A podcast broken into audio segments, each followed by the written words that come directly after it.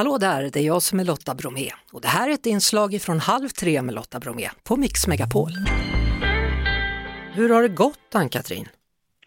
Jo, hej på dig du. Jo, alltså vi hade ju två veckor på oss innan sändningen skulle gå. Det vart 96 eh, soldatsockor. Oj. Sen ramlade det in till barn, det vantar och mössor och allting så att det gick ju väldigt bra. Hur kändes det när du fick ta emot allt det här och det här stora gensvaret? Ja.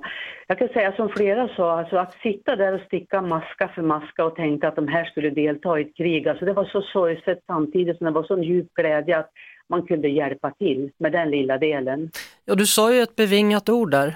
Hellre att det faller socker över Ukraina än bomber. Ja men självklart, så är det ju. Ja. Och det fick ju efterföljare i hela landet. Men nu har ju sändningen varit där och det vart ju välkommet. De hade ju mycket mer med sig. Men stora behovet nu som det utvecklas det är ju elverk, kaminer och mediciner. Mm. Mm. Du följer att, eh, verkligen hela händelseförloppet där i Ukraina, du släpper inte det? Nej men det tycker jag inte man kan. Alltså här sitter vi i vår stuga varmt och skönt och har en trygghet och ingen bomb faller. Så självklart ska man hjälpa till. Så vi sa ju nu några tanter här nu som vi, vi vart ju 20 stycken på den här korta tiden att Mm.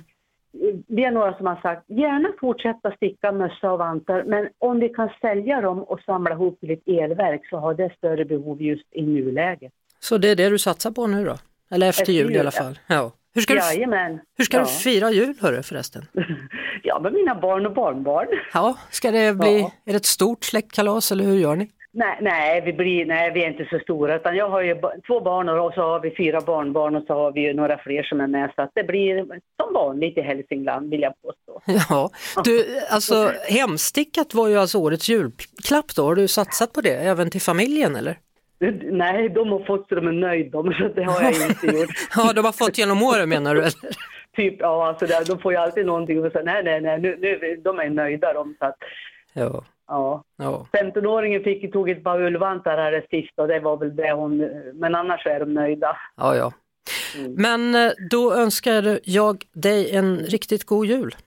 Ja, men detsamma och till allihopa som lyssnar säger vi det också. Då. Ja, det Sticka tycker på. jag definitivt. Sticka på ja. Ja, okej. Och, och lycka Bra. till framöver Ann-Katrin Bergman från Bjuråker. Tack så mycket. Hej då. Hej då! Halv tre med Lotta Bromé på Mix Megapol.